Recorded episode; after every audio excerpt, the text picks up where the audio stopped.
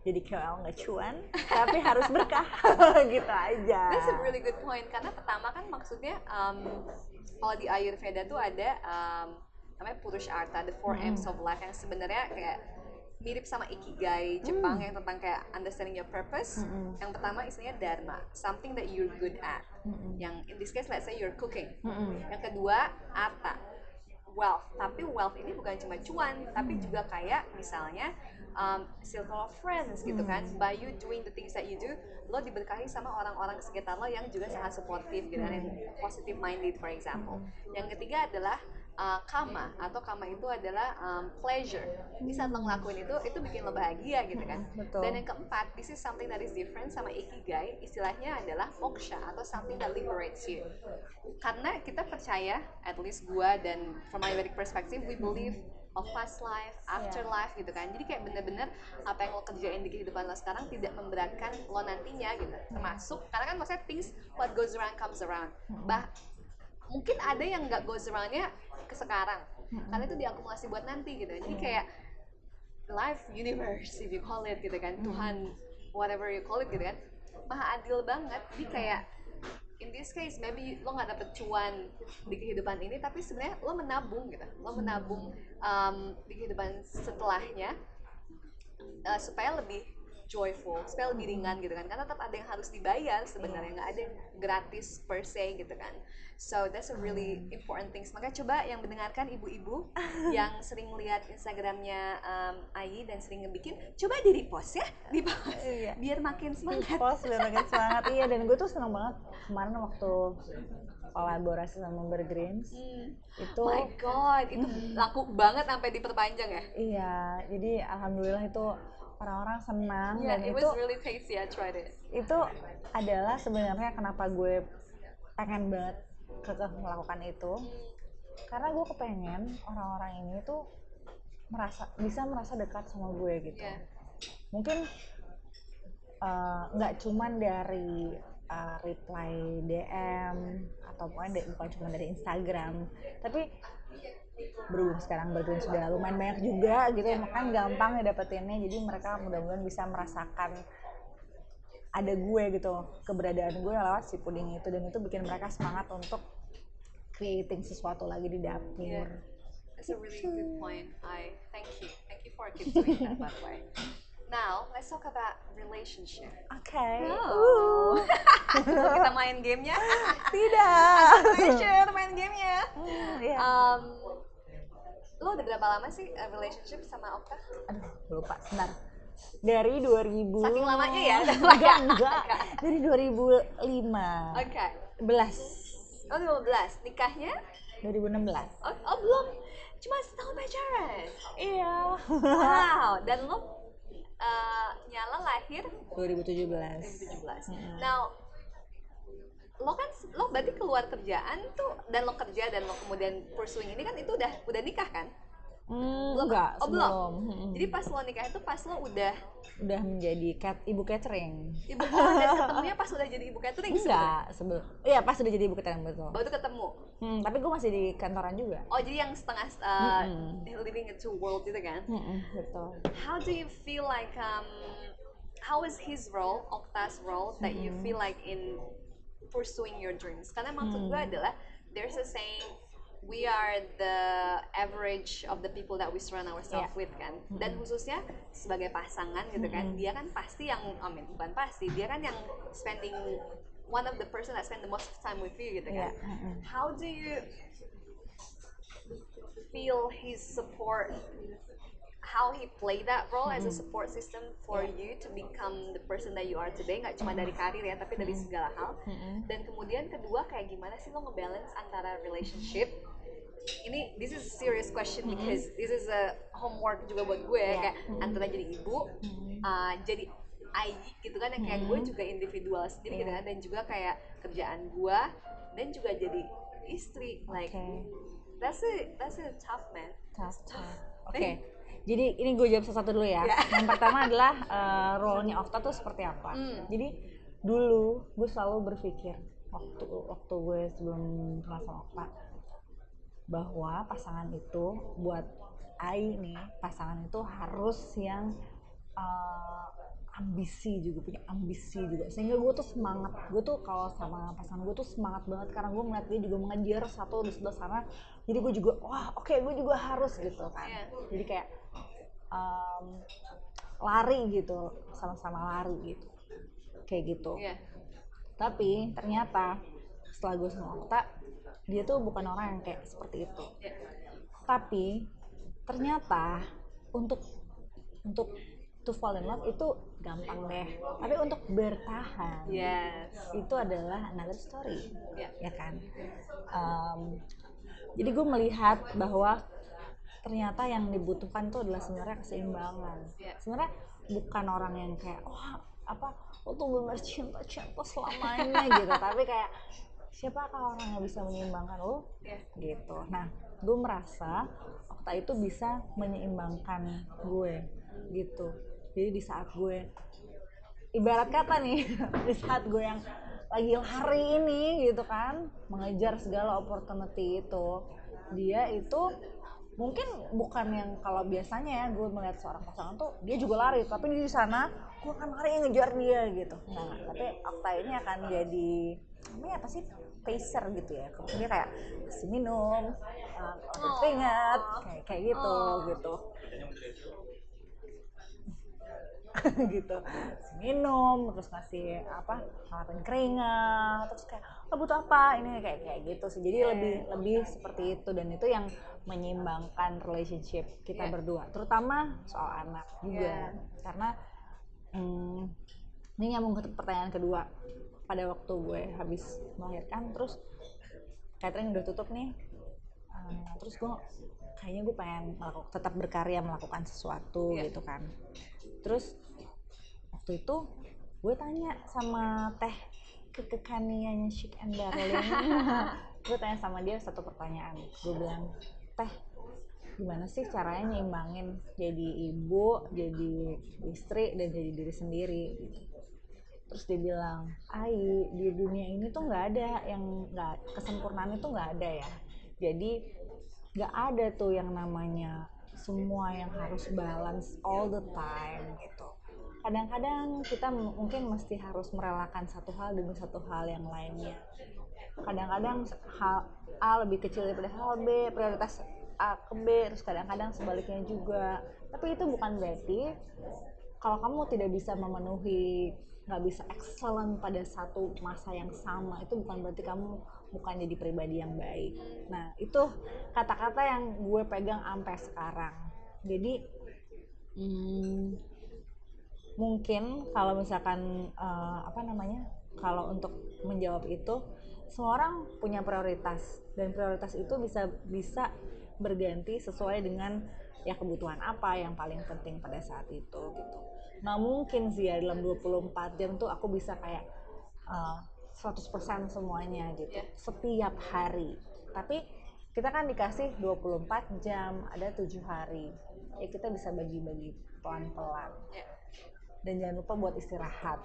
Bener sih aku juga suka banget kayak hmm, mengibaratkan diriku sebagai apa tanaman kali ya.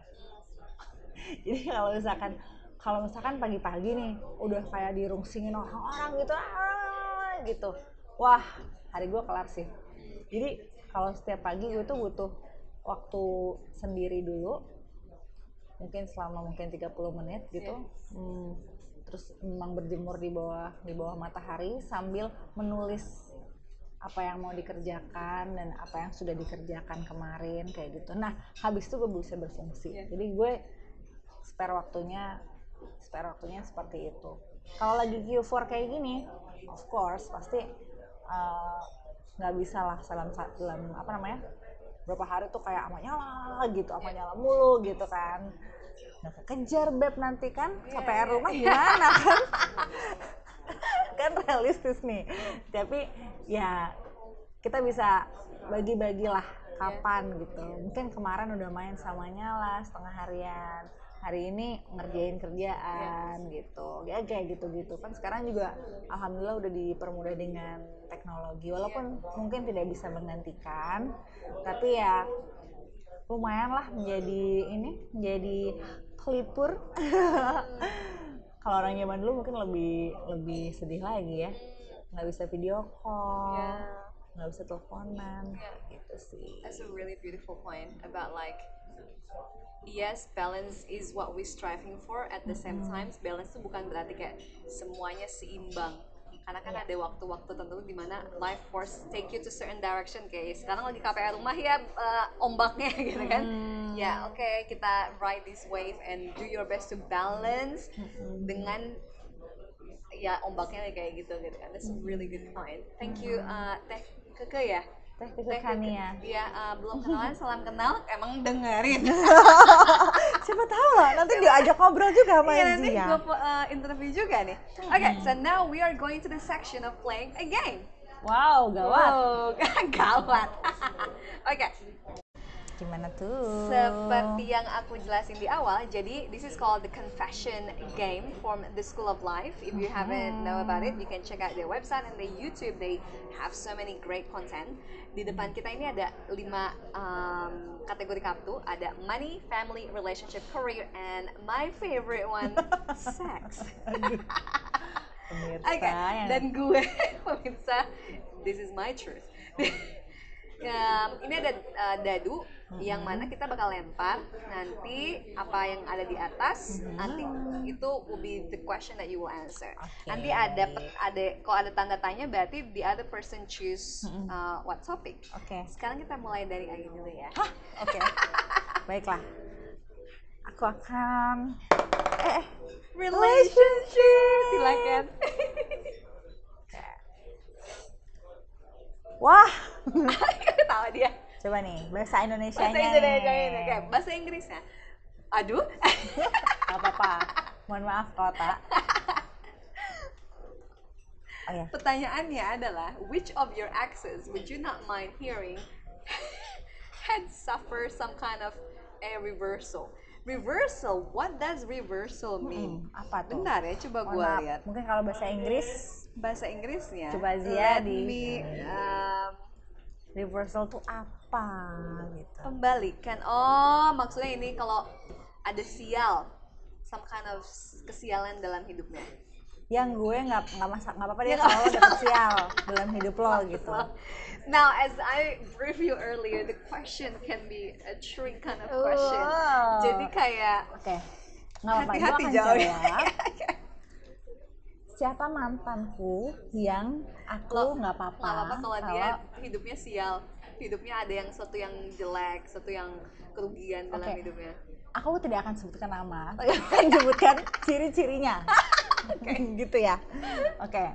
Hmm, ada ada seorang mantan aku di masa lalu yang kita sebenarnya kenal dari kecil Hmm. Gitu. Ayo coba gosip ibu-ibu pasti seneng banget nih ibu-ibu kayaknya. Yang kita da- kenal dari kecil gitu. Jadi ya itulah. Mungkin hmm, apa namanya? Nah, mungkin bukan kesialan cie gitu. mungkin di mungkin kalau suatu hari dia menemukan sesuatu apa ya? sesuatu uh, sandungan dalam hidup mungkin dia akan jadi lebih berpikir. Oke. Karena selama ini kayaknya kurang berpikir. Hmm. gitu So in this ya. case again, if I hear from your senses, it seems like what you're saying uh, comes from a place of like you want him to be better. I- Kayak iya. sebenarnya kan maksudnya kayak um, ya coba men gitu kan kayak grow up or like um, be better because like apa namanya dari quote unquote kesandung itu hopefully he can learn something from that. Iya, mungkin karena hidupnya selama ini mudah sekali. Jadi, oh gini, gue punya kata-kata yang tepat. Karena hidupnya mudah sekali, jadi sering kali dia memudahkan urusan orang-orang lain. Asik. really good point. Bener bener bener bener bener. gitu. Jadi ini gimana ya sehalus mungkin. Jadi kayak sekira-kira kayak gitu. Nah dulu uh, apa namanya? Ya ketika gue udah berpisah dengannya juga juga itulah juga bukan uh, bukan bukan dengan cara yang dewasa. Jadi kalau misalkan dia mengalami sebuah sandungan di masa sekarang mudah-mudahan dia jadi berpikir I understand. That's a really interesting point. Kayak karena banyak orang melihat kayak kesialan, kesandung, quote gagal atau Mm-mm. apa pun gitu sebagai a bad thing. In this case, I am totally agree with you bahwa sebenarnya there is always opportunity to grow. Bahkan justru di kesialan gitu, there's even bigger opportunity. Tapi mungkin nih ada juga orang yang udah dapet kesialan banyak banget nggak belajar belajar kali ya. But I totally agree karena gue sering banget yang lo bilang terlalu banyak kemudahan dalam hidup justru bahkan bukan hal yang bagus sebenarnya karena lo nyaman banget. Dan ini kayak yang apa namanya yang juga gue bilang sama orang kayak uh, misalnya saat orang going through like difficult stuff in their life terus mereka kayak ngomel terus mereka kayak whining. Of course it's painful tapi sebenarnya saat hidup lo sangat nyaman itu justru lebih sulit sebenarnya untuk masa depannya. Iya. karena lo nggak belajar saat lo muda lo nggak belajar susahnya hidup gitu. Salah satu mentor gue sering bilang hard road leads to the easy road and easy road leads to the hard road. Orang pengen hidup mudah tapi sebenarnya kalau hidup mudah lo sekarang yang susahnya nanti datang. Kalau orang Sunda bilangnya gini eh, lamun ayat tanjakan ayat Iya. kudunan gitu ya. Oke. kalau jalan naik pasti ada jalan turun gitu nah it's just a matter of like timing lo mau lo mau yang mana jadi kayak mudun pun yang kayak oh it's just so good eh, eh, eh, careful there's always tanjakan. In that, from that experience, maksud gua kok in that experience, from that experience, what did you learn from that relationship, the heartbreak, the separation gitu kan? Karena buat gua separation is not an easy thing. Gua bahkan gua tuh tendensi gua di kepala gua tuh kayak ngapain gua start relationship if it will come to the end anyway. What's the biggest learning lesson that that relationship and the separation taught you in your life? Oke, mungkin orang-orang yang mengenal mengenal gue baru-barusan itu nggak tahu cerita ini, tapi teman-teman kecil gue uh, itu tahu cerita ini, gitu. Dan ini sebenarnya adalah hal yang membawa gue hari ini di sini. Wow. Jadi gue akan menceritakan kepada Zia pada publik pertama kali. Oke, jadi hmm, dulu gue uh, punya uh, pertama kali pacaran sama seorang mas. Sebut saja namanya Darth Vader. Okay. Kan si Mas Darth Vader ini udah gitu kita pacaran tuh SMP. Wow, kecil banget ya. Lalu setelah 10 tahun, Nan kita balikan lagi. Oh wow. Dari selama itu break balikan lagi. Iya. Wow. Jadi pada waktu itu kita punya circle yang sama dari SMP, SMA, kuliah. Lalu, wah, pokoknya waktu pacaran lagi tuh gimana ya? Bayangkan circle yang sama itu semua kayak bersorak kayak, oh my god, sweet banget, sweet banget, sweet banget, gitu kan. Terus udah gitu, di saat itu juga gue uh, merasa, wah, jatuh cinta berbunga-bunga gitu kan. Wah, cinta, cinta, cinta berbunga-bunga gitu. Terus eh, pada waktu itu tiba-tiba si apa namanya eh, Mas Darth Vader ini dia menghilang selama 42 hari. Dan kalian masih pacaran. yang kita masih pacaran. Terus dia nggak bisa di nggak bisa dikontak. Teman-teman aja juga nggak tahu dia ke mana. Selama 42 hari itu dan di- waktu itu eh, kerjaannya dia juga pindah-pindah negara. Jadi aku juga nggak tahu dia di mana. Lalu pada eh, pada hari ke 42 itu yaitu tanggal gue masih ingat tanggalnya men Wow. 22 Desember 2012 nah ada satu sign yang kelihatan gitu ya pada waktu itu bahwa ternyata si Mas Darth Vader ini sudah bersama yang lain. Dan Tuhan itu baik banget. Sign itu dibuka di depan umum gitu. Jadi bayangkan waktu itu eh, karena circle kita deket banget waktu itu adalah suatu pukulan keras dalam diri gue karena bukan hanya gue sedang kaget. Ya, jadi lo nggak bisa kayak hiding from the fact and the truth. Iya, jadi gue lagi kaget bahwa wah ini apa namanya siapa orang ini? Gitu. Yang kedua adalah seluruh dunia gue teman-teman gue dari kecil orang tua siapa segala macam itu pada nanya ini hah udah putus ya? Cewek siapa? Wah gitu kan. Ya udah. Um, mungkin sampai hari ini gue nggak pernah mendapatkan closure yang yang jelas tentang yang proper dan official yang gitu proper kan. dan official tentang apa yang terjadi yang jelas Mas Mas Darth Vader ini akhirnya menikah dengan uh, dengan mbaknya gitu kan dan tinggallah gue yang pada waktu itu uh, apa tinggallah gue sendiri pada saat itu di bulan Oktober 2013 nah di situ gue baru merasakan bahwa hidup gue itu nggak sehat.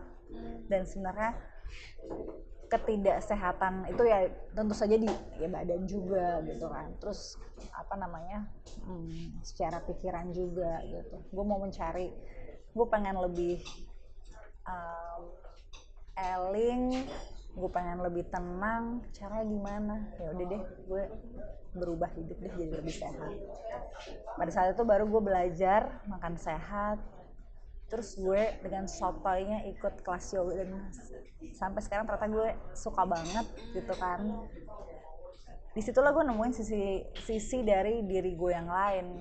Bahwa ternyata oh hidup sehat dan makan sehat itu menyenangkan. Dan ternyata itu ngaruh sama eh, nggak uh, cuman ke fisik kita aja tapi juga sama pikiran kita.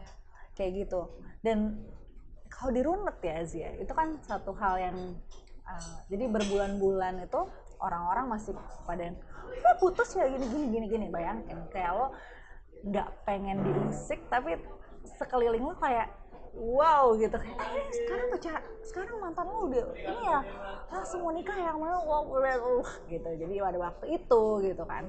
Nah tapi waktu itu adalah kejadian yang menyakitkan. Tapi kalau gue runut mungkin uh, gue bersyukur dan berterima kasih gitu karena hal itu yang membuat perjumpaan gue ke dunia hidup sehat yang bikin gue ada di sekarang di hadapannya Zia itu ya karena peristiwa itu karena pernah gue pernah jatuh pada saat itu kayak gitu sih Would you mind to share the story? Karena menurut gue itu inspiring banget yang lo ikutan kelasnya Mas Aji um, Iya. emotional healing that's that's that's really brave thing to do. Mm-mm. jadi waktu itu uh, gue diundang sama Mas Aji untuk ikut apa uh, mindfulness sessionnya dia yang tahap satu. Terus pada waktu itu uh, dia bilang uh, coba kalian hadirkan seseorang yang kalian tuh ingin sekali apa namanya bicara sesuatu tapi mungkin tidak pernah punya kesempatan. Nah, dari banyak orang yang gue pengen hadirkan pada saat itu, yang muncul adalah si Mas Darth Vader ini gitu. Of course itu kan ini kan udah kejadiannya udah 8 tahun yang lalu gitu. Kalau bicara soal perasaan mungkin ya gue udah nggak ada perasaan sama lu men. Tapi uh, yang ditinggalkan mungkin uh, yang ditinggalkan mungkin banyak. Jadi pada waktu itu gue udah siap-siap nih kan. Oke hadirkan orangnya. Oke hadirkan. Gue udah siap-siap nih mau memaki gitu kan. Tapi instead of keluar makian itu Mas Aji itu menuntun kami yang ada di ruangan itu untuk bicara bahwa halo apa kabar? I wish you well. I forgive you and I love you. Gitu karena apa ya hidup ini kan pasti ada positif ada yang negatif. Dan keduanya itu kita harus berterima kasih karena kedua kubu itu yang menjadikan kita hidup gitu. Gitu sih. Jadi Mas Darth Vader di mana pun kamu berada I forgive you and I love you. Uh, I wish you well.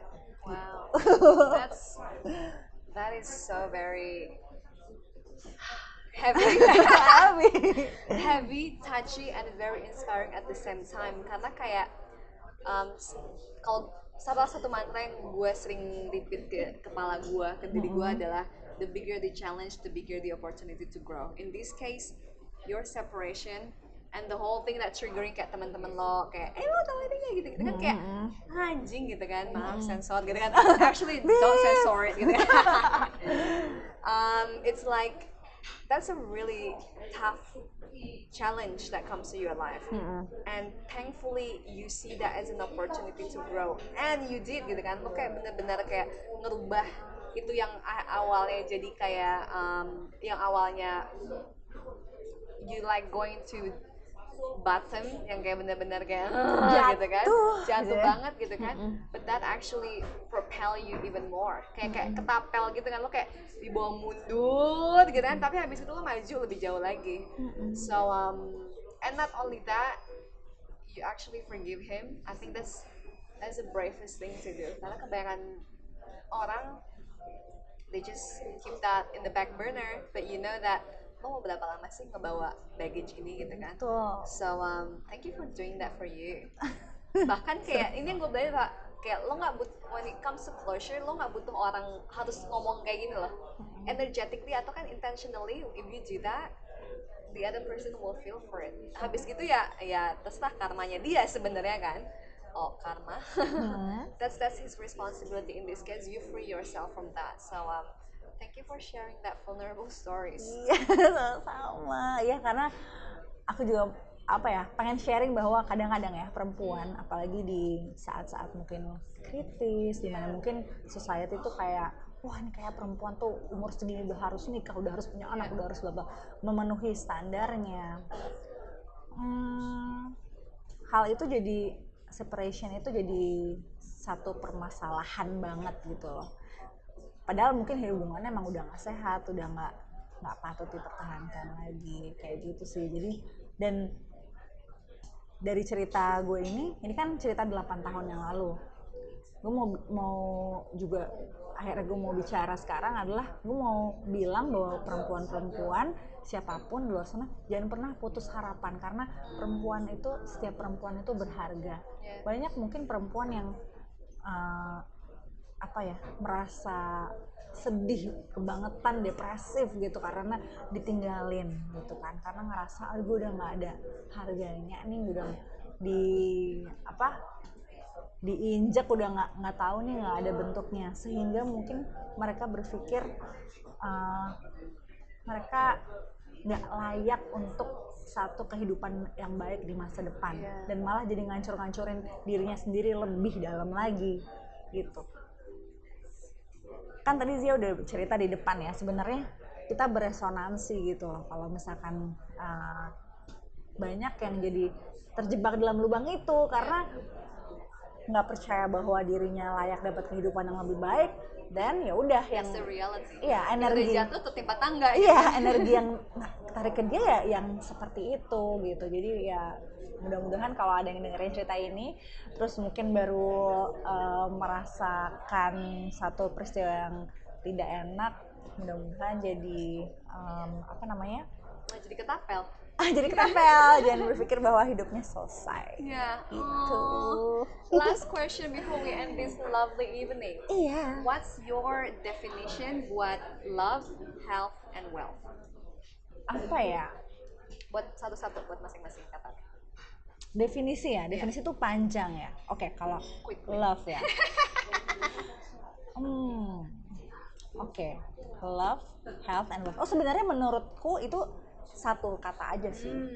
dari dari pengalaman gue hidup selama selama ini gitu ya sampai sekarang ini bahwa ternyata kita tidak tidak kita gue dari pengalaman gue manusia itu tidak butuh uh, semua yang terlalu jadi seimbang kita kita tuh butuh keseimbangan aja sih sebenarnya. Cinta yang seimbang lalu dari sisi sehat juga yang seimbang kan gizinya harus yang seimbang kalau makannya hijau-hijau mulu terus setiap hari ya nggak seimbang juga gitu. Butuh ada proteinnya butuh zinc butuh magnesium dan segala macam seimbang. Lalu juga dari sisi wealth juga yang seimbang. Karena kalau kita misalkan kita nggak seimbang kita kejar terus terus semua to do list kita nih apa um, apa yang mau kita achieve tanpa kita mikirin wealth yang ada hubungannya dengan um, apa ya kebahagiaan kewarasan diri gitu itu juga nggak bisa juga jadi mungkin satu kata yang tepat adalah seimbang sih kalau kita bisa seimbang selaras dengan alam dan lingkungan mungkin itu satu kunci untuk kita bisa bertahan Yeah. Oh, that's a really beautiful one. so we're coming to the end of the podcast. It takes longer than we Yeah. planned because the conversation is really interesting. Mm-mm. So actually, probably this is the first time buat gua melihat sisi ini dari lo. oh ya Iya kayak yang Oh, iya, iya. cerita-cerita yang lain itu kayak wow I never seen this actually. Mm-mm. Um, also I think because obviously kita jarang duduk lama kayak gini, Mm-mm. uh, yang gue bener-bener ngorek lo gitu. iya iya iya iya Dan thank you so much for allowing me to do that and sharing it with others. Karena lagi-lagi kayak um, I always see like you as someone that is inspiring. Um, it's already proven, proven, and other people will agree. At the same times, I'm always curious like what makes you you, and I and I believe that when people hear about this story, it will inspire even more people to become an even better version of themselves. Ya, ya. So lastly, makasih banyak buat um, menjadi Ayi yang Ayi nih, Ayi yang seutuhnya yang nggak cuma uh, dia bangkit dari rasa putus itu gitu kan, and the pain that might come with it, that not, not might come, but the pain that came with it, Mm-mm. um, being courageous buat kayak ngelakuin apa yang lo rasa calling lo dari keluar dari corporate world and to become um, a great mother buat nyala yang kemudian ngasih example sama lebih banyak orang how to live and become a gentle parent as the wording you say it gitu kan? So I'm just I just want to really appreciate you for that. It's it's been lovely and an honor for me to know you um, salah satu orang yang di Jakarta yang gue kira kayak anjing Jakarta apa Anjay. siapa gitu kayak but like Iya, iya. man there are so many inspiring amazing people and one of that person one of that people is you so thank you very much Amin. terima kasih juga Zia Sama.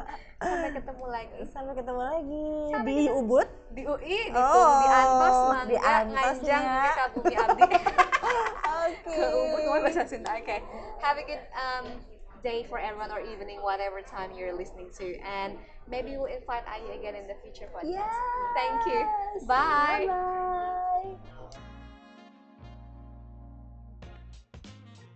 So that's the inspiring interview for this week, and I hope you get benefits from it. Now, to get even more out of this interview, here's what you gotta do. Share this interview on your social media, tag me at Zia Kusumawardini, and write down your learning points from this interview. Not only you can retain the information better, but by doing so, you can also inspire others to create a life they love. Also, if you'd like to learn more about how to have the body you love and love the body and life you have, you can learn more through my Instagram at Zia Kusumawardini or visit my website www.ziakusumawardini.com. Lastly, I'm looking forward to having you in the next episode. Bye!